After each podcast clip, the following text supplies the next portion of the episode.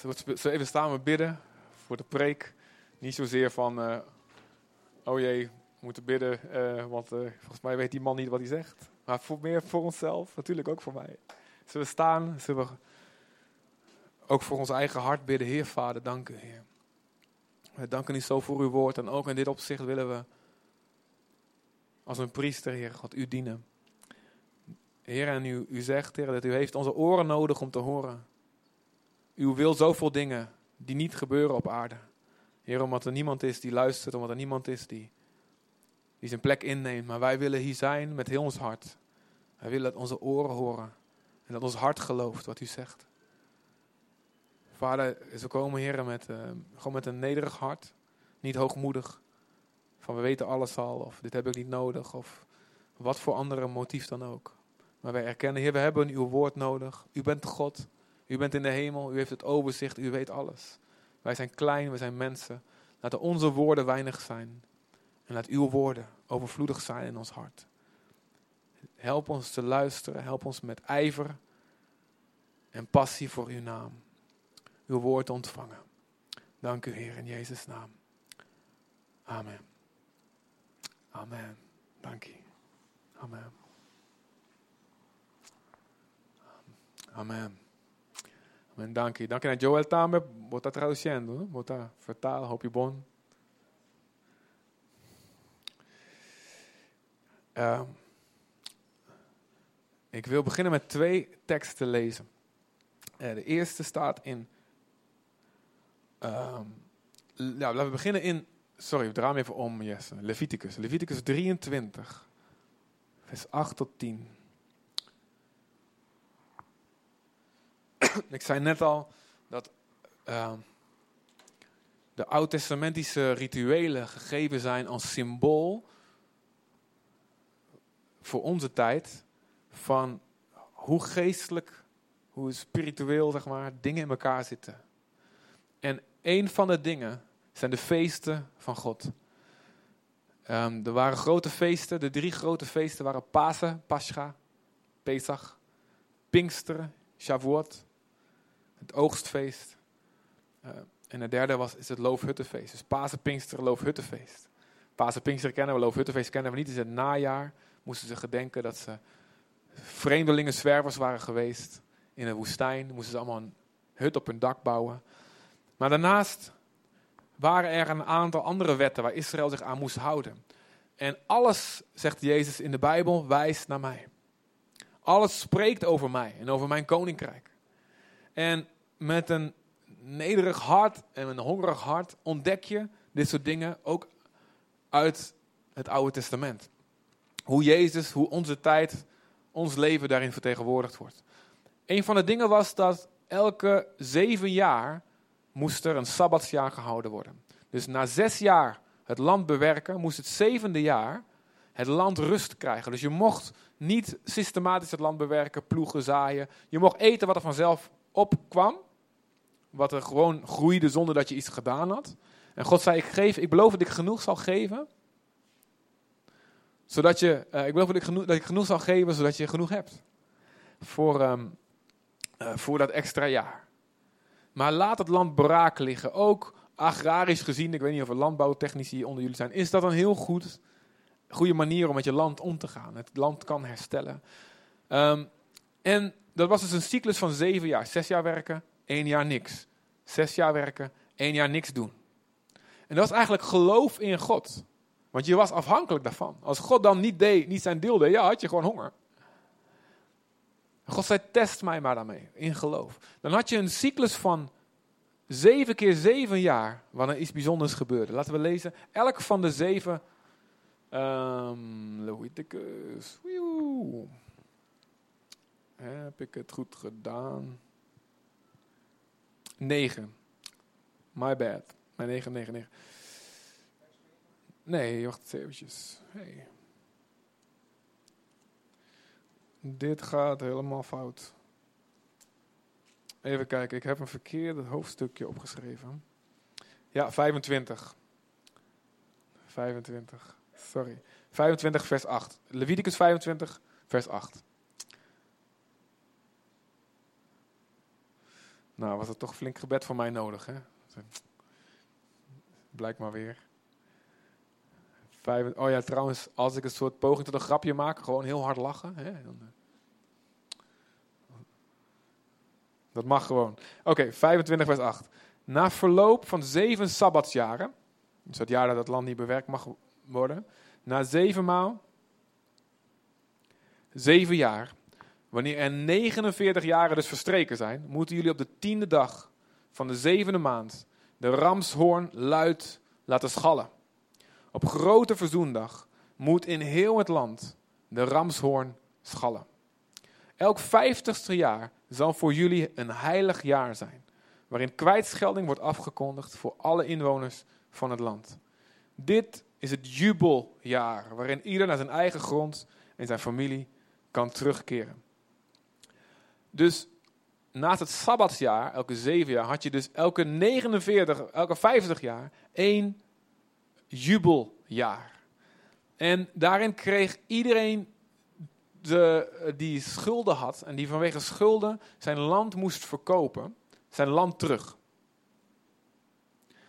Dus stel je had een schuld en je broer, eh, problemen, ja, alles wat je hebt was het land, een stukje grond, je boerderij, daar, daar kon je bewerken. Maar je, je, kon, ja, de schuldeisers kwamen op je af en je had niet genoeg. En het enige wat je hebt, je hebt je, je, hebt je koe al verkocht en uh, wat familieleden en zo. En het lukt niet meer. En je moet dan je land verkopen, maar stel het was nog 25 jaar tot dat jubeljaar aanbrak, dat is een vast moment. Dan wist je, over 25 jaar krijg ik het terug. En als het nog lang duurde voordat het jubeljaar um, aanbrak, kreeg je veel geld. Want hij kon dan 25 jaar als het ware jouw land pachten. En dat gebruiken. Als het nog maar één jaar was, ja, dan zegt, dat zegt nou ja, voor een klein bedrag eigenlijk, een veel kleiner bedrag, kon je je land verpachten. Want God wilde dat na 50 jaar een gigantische reset kwam van bezittingen. Dus alles moest weer terug, want als dat zo doorgaat, dan de armen worden dan steeds armer. En de rijken, ja, die worden steeds rijker. Die denken, nou, ik heb nog een extra stuk grond, kan ik weer meer bewerken. En worden ze steeds machtiger. Eigenlijk wat je nu ziet, ik, heb je het nieuws een beetje gevolgd, dan weet je dat het nu ook gebeurt. Um, er zijn iets van, ik weet niet of 32 personen op de wereld, die hebben net zoveel als de helft van de wereldbevolking. Ik weet niet precies het getal, eerst zeiden ze 16, dat bleek dan nou, net weer te weinig te zijn. Maar al zijn het er duizend.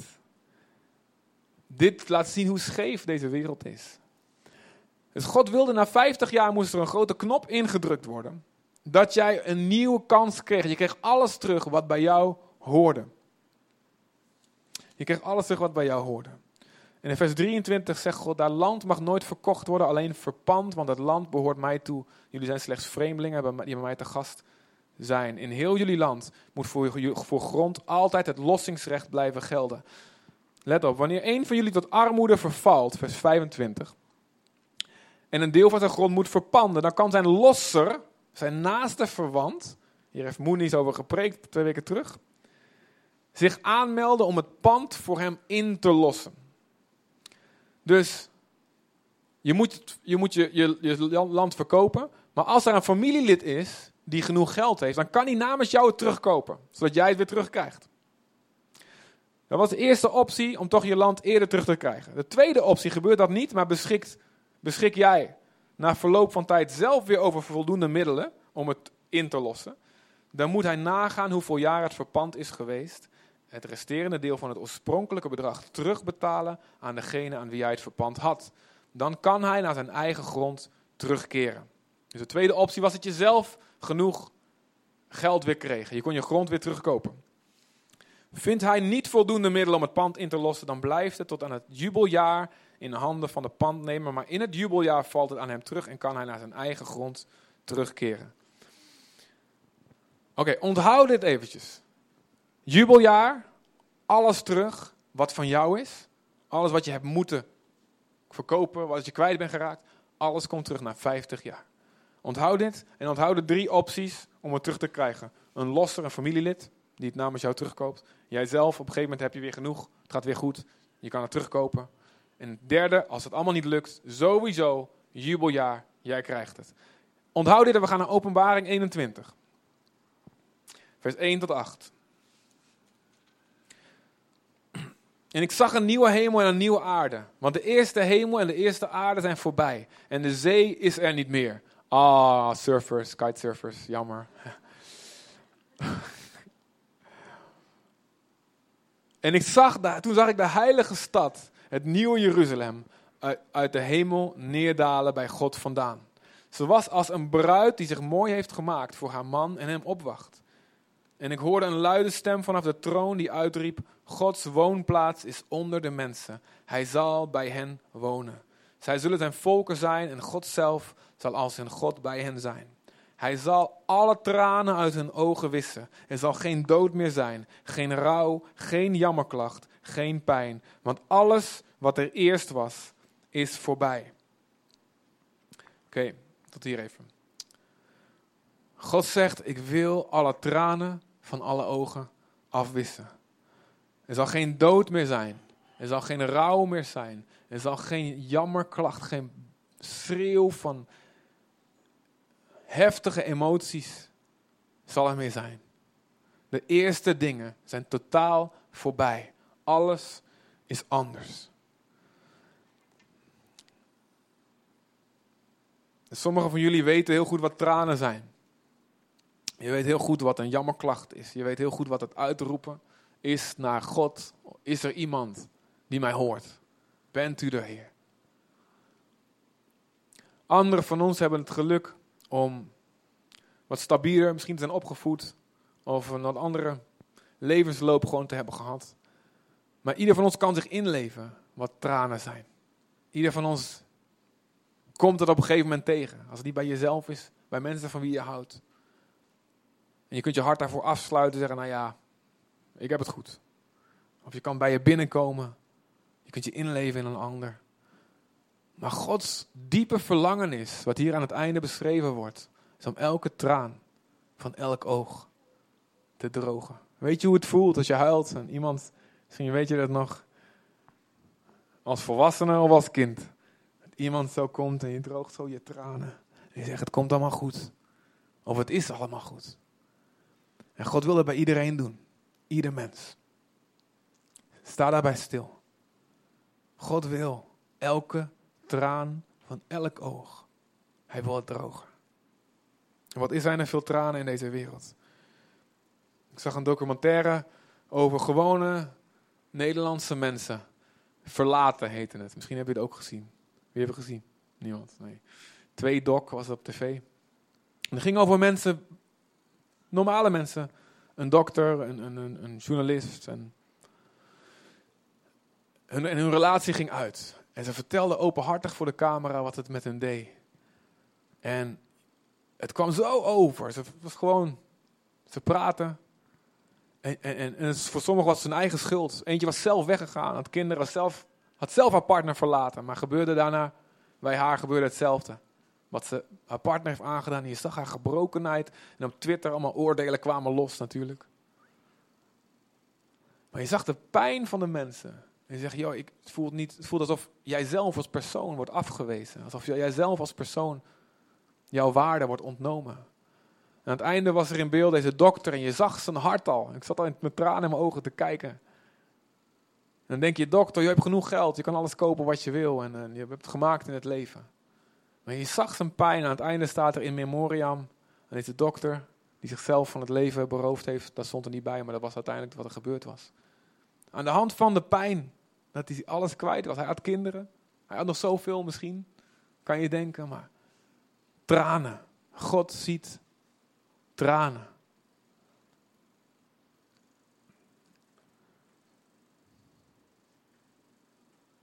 En hoe voelt het? Kun je inleven hoe het voelt om door je eigen familie te worden afgewezen. De zoektocht van geadopteerde kinderen. Misschien hadden ze een fantastische adoptieouders. Maar waarom heeft mijn moeder mij achtergelaten? Waarom wou mijn vader niet vechten om bij me te zijn? Of misschien zijn je echte ouders er nog wel, maar ze wijzen je af met of allerlei andere manieren. Of mensen, liefdes, vrienden. De tranen die er is om onrecht in de wereld. Als zo'n wet niet wordt toegepast. Er wordt generatie op generatie niet toegepast. Dat mensen hun land weer terugkrijgen, weer gelijke kansen krijgen. Dan kun jij in armoede geboren worden. En je kunt nooit een kwartje worden. Hoe hard je ook werkt. Je hebt geen kansen, je hebt geen netwerk. Je kunt niet de opleiding volgen. Want je moet van jongs af aan hard werken. En de tranen die dat oplevert. God ziet de tranen. Zoals hij zag de tranen van Hagar in de woestijn. Iemand die geboren wordt zonder vader of met een ziekte. Wat denk je van een baby geboren met HIV? Zo ver weg. Het gebeurt het duizenden, tienduizenden, honderdduizenden in Afrika. Landen. En het is gelukkig een kleine keer aan het komen, maar het is nog lang niet genoeg. Landen waar mensen 35, 36 jaar gemiddeld oud worden vanwege HIV-AIDS. Zimbabwe, Botswana, dat soort landen. Het is ver weg. We denken, ja, we identificeren ons moeilijk met die mensen. God ziet elke traan. Mensen die lijden vanwege zonde van de ouders, generatievloek, zo wil je het maar noemen. God zegt heel duidelijk, ik wil dat niet, maar hij zegt ook, het gebeurt wel. Ik wil niet dat kinderen lijden om wat hun ouders doen, maar het gebeurt. Het gebeurt. En ik wil ze daar vrij van maken en ik hoor hun roep tot mij. Mensen die geboren worden met ziekte, met een beperking, met een moeite in je persoonlijkheid. Wie heeft daarom gevraagd? In de problemen die je komt door eigen fouten, door, eigen, gevolgen van wat je zelf gedaan hebt. Je was jong, je wist niet, niemand nam jou in bescherming, niemand corrigeerde jou. En dan zit je. Voor je het weet, je leven is totaal veranderd. Misbruik, mishandeling. Of gewoon genegeerd worden, verwaarloosd worden. Ken mensen. Ik ken mensen, familie van Nathalie, ze hadden een groot landgoed. Ze was van generatie op generatie was het in Colombia, was het van hun. En dan komt in één ouders vroeg dood van die persoon, van de familielid. En de kinderen zijn allemaal tieners. En dan komt de guerrilla en die zegt, we danken God dat het allemaal voorbij is nou die tijd. Dan komt de guerrilla in die tijd en die zegt, dat huis is nou van ons. En dan ga je met tieners, je ouders zijn weg. Moet naar de grote stad, allemaal zelf zien te werken. Je, je gaat zo terug en je bent alles kwijt. Je hebt geen ouders die voor je opkomen. Wat denk je van mensen die sparen en sparen? Wat nou in Venezuela gebeurt? Je spaart, je hebt een pensioen. En dan heb je in één keer duizend procent inflatie, dan gaat je spaargeld. Wat denk je van de mensen die investeren in een bedrijf, hopen op iets, er wordt een belofte gedaan. Alles, de wereldeconomie stort in. Of jou, de prijs van jou, dat ding waarvan jij nou alles omgebouwd hebt, stort in. Je kan doorgaan en doorgaan. Het onrecht wat er is, er zijn duizenden, miljoenen gevallen. Dat bankiers met een paar klikken op een muis stromen geld binnenkrijgen. Of iemand die toevallig heel goed kan voetballen. Of heel mooi kan zingen. Dat die eer en roem en geld en villa's in een huis in, in een schoot geworpen krijgen. En mensen die veel harder werken in fabrieken, denk aan die Chinezen in, in, in de grote steden nou, die trekken van het platteland naar de stad. Ze werken dag en nacht, bijna. Ze mogen één of twee dagen in de week naar huis voor nieuwjaar. En dan gaan ze weer terug. En ze verdienen nooit hetzelfde als iemand die toevallig een gouden keeltje of een gouden voet heeft. En dat, roept in ons toch allemaal om, Heer, waar bent u? Waar, waar bent u in deze tranen? Moorden die nooit worden opgelost. SS'ers die nooit worden gepakt en rustig in Argentinië sterven. Iemand die vanwege een vormfout vrijkomt. Omdat de politie net een verkeerde bewijs, manier bewijs heeft verzameld. Je werkt keihard. En dan denk je, ik ga met pensioen en dan krijg je je 65ste te horen. Je hebt nog maar een paar maanden te leven, daar gaat je droom. Ik kan doorgaan en doorgaan. Jullie kennen allemaal veel meer situaties dan ik. God wil de tranen drogen. God wil de tranen drogen van elk mens. De Bijbel zegt dat de schepping aan de vruchteloosheid is onderworpen. Deze schepping, het is gedoemd om zinloos te zijn. En God wil de schepping bevrijden door middel van zonen en dochters van God. Nu is het zo dat je kan zaaien, maar iemand anders die kan het opeten. Er is, je, hebt, je, je, je, werkt voor iets en dan komt er een mot in je kleed, zegt Jezus, of roest op je metaal. En de dingen gaan weg. En het is de vloek van Genesis waarin God zegt, je zal werken, maar je zult onkruid, heel veel onkruid hebben. De demonische tegenstand, de duisternis, het onrecht door de zonde in de wereld is altijd aanwezig. En er zijn goede dingen die gebeuren door de hulp van God. Maar uiteindelijk, altijd, ze komen daar problemen, komt daar pijn bij. En alleen door mensen die volharden en die weten door lijden door te gaan met het goede, kunnen blijven staan. En in dat alles hebben wij een betrokken vader in de hemel. Er staat in de Bijbel dat hij zag ons, hij wilde ons voor de grondlegging van de wereld. Besef je dat? Niet alleen jou, iedereen. Hij zag het en hij wilde ons tot aan zijn, zeg maar, tot bestaan. Er staat dat hij ons weefde in de schoot van onze moeder. Ik vind dat zo mooi. Het woord weefsel komt daar ook vandaan, hè, als weefsel. God heeft het gewoven. Ik weet niet hoe in het papierment heb je een goed woord, weef. Dan staat weef. Ja. maar het is zo'n mooi beeld. Er staat niet God 3D-printen ons in de schoot van onze moeder. Dat zou ook fantastisch zijn natuurlijk. Hè? Maar hij weefde ons. Dat staat voor ambachtelijk handwerk. Iemand die, met, die echt ervoor, met aandacht voor details kijkt naar wat hij doet. En iets heel moois ervan maakt. Dat doet de Heer. En hij zag ons vormeloos begin. Ik heb vaker genoemd, wij zagen Jeremy letterlijk als een rondje op de echo. Vormeloos. Had nog niet eens die kleine flapjes zo. Die... En God zag dat ook. Zonder echo. 3D. En zijn handen, in de psalmen staat heel mooi.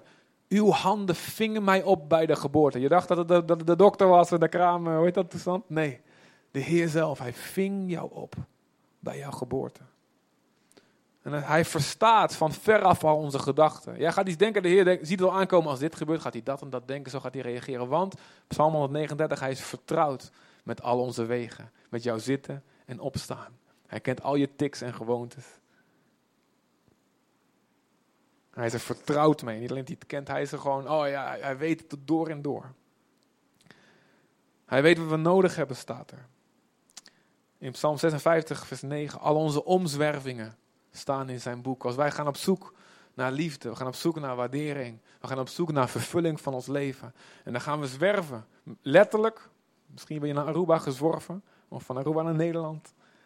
Maar ook in het leven. Je zwerft van die persoon naar dit, deze activiteiten. Je zwerft, je bent op zoek. En al die omzwervingen, God houdt dat bij in een boek. Heeft hij letterlijk een boek? Dat maakt eigenlijk helemaal niet uit. Het staat in ieder geval als beeld. God noteert. Zoals iemand die nauwkeurig details noteert. Zo weet God, zo kent God jouw reis in het leven. En hij vangt onze tranen op in een kruik. Ze zijn kostbaar, hij bewaart ze. Wat je bewaart in een kruik, dat, ik, dat wil ik, ik, ik, ik moet dit eren, ik moet dit respecteren. En in Genesis 6, vers 6 staat er dat als er zonde is, slechtheid is, het snijdt God diep in zijn hart. Zijn hart breekt. God is geen afstandelijke God die zegt, die een wet naar beneden gooit. Jij fout, jij goed. Jij fout, jij goed. Hij voelt. Hij voelt. Hij voelt alles. God leidt mee. Hij is een betrokken vader. Hij is bewogen. Hij is liefde. En daarom, om die reden zegt God, ik wil mijn koninkrijk brengen. Ik wil een jubeljaar brengen. Ik wil een grote resetknop indrukken. Waardoor alles recht wordt gezet. Wat fout is gegaan. Al is het je eigen schuld geweest. God wil een jubeljaar brengen. Jezus zegt in Lucas 6, vers 20. Daar begint hij met de zaligsprekingen dan zegt hij, gelukkig jullie die arm zijn, want van jullie is het koninkrijk van God. Gelukkig jullie die honger hebben, want je zult verzadigd worden. Gelukkig wie nu huilt, want je zult lachen. Gelukkig zijn jullie wanneer de mensen jullie omwille van de mensenzoon haten en buitensluiten en beschimpen. En je naam door het slijk halen. Wees verheugd als die dag komt als dat gebeurt. En spring op van blijdschap, want jullie zullen rijkelijk beloond worden in de hemel. Vergeet niet dat hun voorouders, de profeten, op dezelfde wijze hebben behandeld. Maar wee jullie die rijk zijn. Jullie hebben je deel al gehad. Wee jullie die nu verzadigd zijn, want je zult hongeren. Wee jullie die nu lachen, want je zult treuren en huilen. Wee jullie wanneer alle mensen lovend over je spreken, want hun voorouders hebben de valse profeten op dezelfde wijze behandeld. Hier, zegt, spreekt Jezus over de resetknop van God. Het jubeljaar van God. Arm in dit leven, je hebt alles moeten verkopen. Eigen schuld of niet? God zegt, als mijn koninkrijk komt, gaan we dit rechtzetten. Gaan we dit zetten zoals, zoals het hoort. De eenzame, zegt God, wil ik in plaats in een familie, in de psalmen. Ik wil eenzaam in een huisgezin doen wonen. Mensen die huilen wil ik troost geven. Mensen die altijd onrustig zijn. Ik wil ze vrede geven. Duurzame vrede doen toestromen als een rivier. Ik wil mensen die treuren, die huilen. Ik wil ze troosten. Niet alleen eventjes hun tranen afvegen. Ik wil ze een eeuwige blijdschap op hun hoofd laten zijn, Jezaja. En je hart zal zich ontroerd verruimen. Je zal helemaal niet kunnen geloven wat je ziet. De blijdschap die God wil geven. Al het onrecht, gebrek aan waardering van wat je gedaan hebt, zal gewaardeerd worden. Al het begrip wat je gemist hebt. Iemand die erkent wat jij doet. Wat, je al, wat, wat niet gebeurd is op aarde. God zal het erkennen. God zal laten zien. Je bent begrepen, je bent gekend. En iedereen, iedereen zal elkaar zien zoals je echt bent. Mensen met handicap zullen geen handicap meer hebben, weet je dat? Mensen met Down-syndroom, autisme, um, borderline, demente mensen, kinderen die, die alleen gekend hebben in hun kindertijd, ze zullen zien, ze zullen ten volle kennen. En misschien, ik denk het wel, misschien zullen ze nog precies weten hoe iedereen hun behandeld heeft. En op dat moment dachten ze, ja, snappen ze het allemaal niet.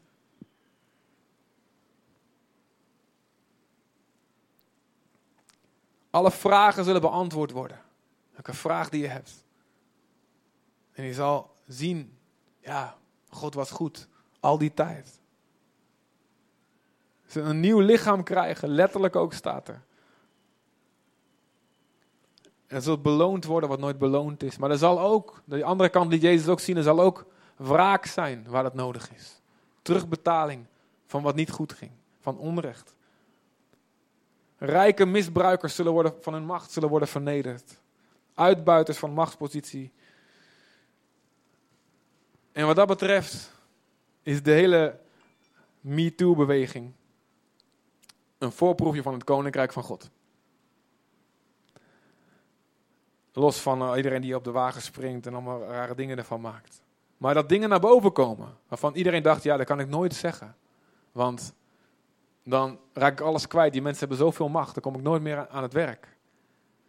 Het komt naar boven. Er komt in één keer een grote reset-knop. Oh, wacht eens eventjes. Wij kunnen dit niet meer zomaar doen. Aan iedereen zitten. En ik kom er toch wel mee weg, want jij hebt mij nodig. En het is een stuk van het jubeljaar wat eigenlijk komt. Een symbool, een plaatje daarvan. En Jezus zegt, jullie moeten bidden, discipelen dat het koninkrijk zal komen. Jullie moeten bidden dat dat gaat gebeuren. Dat het gaat doorbreken hier op aarde. Uiteindelijk zal het allemaal gebeuren als het koninkrijk ten volle komt en de hele aarde het koninkrijk van God wordt.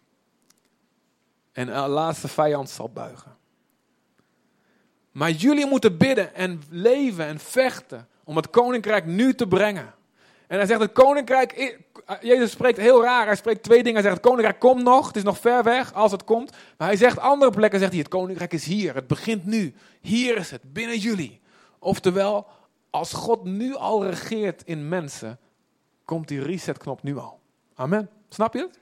Als God nu al regeert in mensen, worden nu al tranen gedroogd.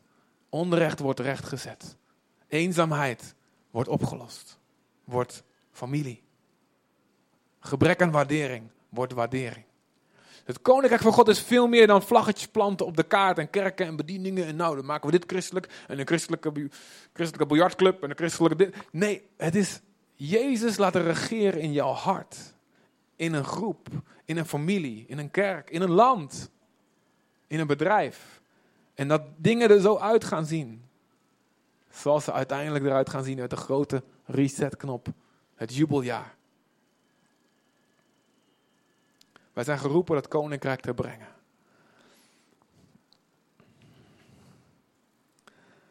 En Gods grote probleem is natuurlijk degene wiens tranen hij wil drogen, veroorzaken zelf ook tranen bij anderen. Dat is het probleem. Jij hebt tranen, je bent een slachtoffer. Ieder mens heeft tranen en lijdt pijn en lijdt onrecht. Je weet het of je weet het niet. Dus misschien staan de mensen nooit bij stil. Maar hebben pijn en ellende. En God wil die tranen drogen. Maar het probleem is, om jouw eigen tranen te drogen, doe je andere pijn. Ga je pakken wat niet van jou is. Ga je spreken zoals je niet moet spreken. Want jij denkt, er is geen God. Er is niemand die voor mij opkomt. Ik moet het zelf doen. Ik moet machtig worden. Ik moet zelf krijgen wat ik wil. God heeft ons gemaakt met heel veel behoeftes.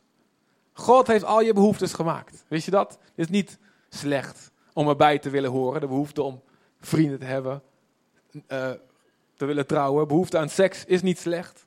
Heeft God gemaakt. De behoefte aan groeien, ontwikkeling, zelfontplooiing, veilig willen zijn. De hele piramide van Maslow komt van God. Misschien niet in die piramidevorm en zo, met zijn oog erbovenop. Hè, maar je snapt wat ik bedoel. God heeft ons gemaakt zoals we zijn. En hij zegt, ik ben genoeg. The riches of your love will always be enough. Ik ben genoeg voor jou, Adam en Eva. Die boom niet. Die boom niet. Je hebt overvloed. Die boom hoeft niet. Snap je? Die boom hoeft niet. Maar Satan plant in de gedachte van elke mens: God is niet genoeg. Gods weg is niet genoeg. Eet je hebt meer nodig. Je, jij weet het, kan het zelf beter weten. Jij kan het zelf beter zien. Eet. En we eten allemaal. We denken, ja, dat kan God wel zeggen, maar daar heb ik, heb ik niet genoeg meer. En als ik, dat kan God wel zeggen, maar daar hoor ik er niet meer bij. Dus uh, hap. Met snoepen verstandig. Of niet? Dus Gods probleem is, hij wil de tranen drogen, maar je veroorzaakt zelf tranen. Wat moet ik daarmee doen? Eigenlijk moet ik jou straffen voor wat je hem aandoet. En moet ik hem voor haar en weet je. Het kruis. Het kruis. Ik denk dat we allemaal weten wat het kruis gedaan heeft. Jezus neemt de straf voor de tranen die wij elkaar veroorzaken. Jezus neemt alles op zich. En hij zegt, ja, daar moet straf komen en God kan niet zomaar jouw tranen drogen, want hij moet eerst jou oordelen. Maar ieder die bekeert, ieder die zijn zonde beleidt, ze noemt, ze niet goed praat, maar komt, zal vergeving worden, vergeven worden. En dus het bloed, zweet en tranen die jij had moeten krijgen als terugbetaling, als vergelding. Ook een principe in de rechtspraak, het principe van vergelding. Het komt op Jezus komt op Jezus. En als iemand mij vraagt, ja, waarom heb je mij niet gewroken, Heer? Waarom heeft u hem niet terugbetaald wat hij gedaan heeft? Heb ik gedaan, zegt God. Ik heb Jezus terugbetaald wat hij gedaan heeft. Want deze persoon heeft vergeving gevraagd. En natuurlijk moet je ook bij mensen rechtzetten wat je fout zet. God zegt niet alleen even, even beleiden, even biechten bij de priester. En voor de rest niets meer. Nee, God zegt, heb je echt berouw? Ga naar de mensen toe, ook zover je kan. Zover je weet. Vraag ze vergeving. Sommigen zullen je vergeven, sommigen zullen je niet vergeven. Maar hij, God ziet je hart. En dan komt het koninkrijk in jou. Dan komt het koninkrijk in jou. Dan gaat het groeien in jou. Als een mosterdzaadje begint dat klein, zegt Jezus, maar het wordt groter dan wat dan ook. Dus God ziet jou als slachtoffer en hij ziet jou als dader. Hij ziet ieder mens als slachtoffer en als dader. Maar ieder die gelooft en bekeert wordt vrijgesproken van elke veroordeling. En het oordeel is op Jezus. Dat is het goede nieuws. Amen, mensen. Nu moet, mogen jullie een rondje rennen door de zaal en dansen op je stoel springen. Dat mag nu. Oké, vijf seconden. Oké, klaar. En God zoekt naar manieren om mensen in dat koninkrijk te brengen. Hij wil, zijn drive is, ik wil die tranen drogen. Ik wil alles goed maken. Ik wil alles rechtzetten. En hij zoekt naar manieren. 1 Samuel, 2, 2 Samuel 14, vers 14. Wij moeten zeker allen sterven als water. We moeten zeker sterven. En als water zijn dat op de aarde wordt uitgegoten en niet meer verzameld kan worden. Zeker hier op Aruba in de zon. Je bent zo, weg. Wij ons leven is zo als water. Je op een gegeven moment, je kunt proberen dat water nog terug te scheppen, maar gaat niet goed. Zo is ons leven. Maar God neemt het leven niet weg, maar hij denkt plannen uit, zodat iemand die verstoten is, niet van hem verstoten blijft. God denkt bij iedereen plannen uit. Hij heeft een strategie van als nou die, deze christen dit doet en als nou daar op de tv gepreekt wordt van dat en als nou dit gebeurt, maar dit, dan kan ik hem, komt zijn hart open of haar hart open, die terugkomt bij mij. God denkt plannen uit om mensen terug te halen, want ik wil ze mijn koninkrijk inbrengen. Ezekiel 18 staat, denk je dat ik blij word van een goddeloze die sterft? Nee, ik wil dat hij zich bekeert en leeft. Ik wil dat mensen het evangelie aannemen. En als iemand hoogmoedig is, dan werkt hij ze tegen. Niet omdat hij ze haat. Ja, ik heb niks nodig, oh, ik heb God niet nodig. Maar om, het, om ze te laten zien, je hebt mij wel nodig. En als iemand dan nederig wordt en zegt, wauw, ik heb vergeving nodig. Ik kan het niet zelf allemaal. Dan geeft God zijn genade, zegt de Bijbel.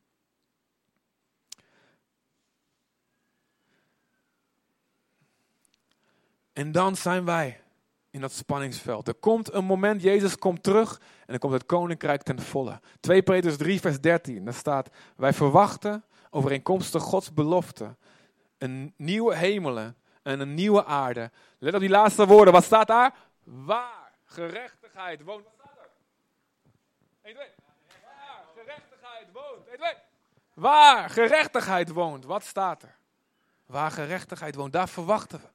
Wij verwachten het jubeljaar. Wij zien er naar uit. Alles komt terug. Alles wat de duivel gestolen heeft. Alles wat zonde kapot gemaakt. Alles wat ik zelf kapot gemaakt heeft. Het komt terug. Elke traan wordt gedroogd. Elke eenzaamheid opgelost. Elk gebroken hart genezen. Genezen met blijdschap. Getroost. Gevuld.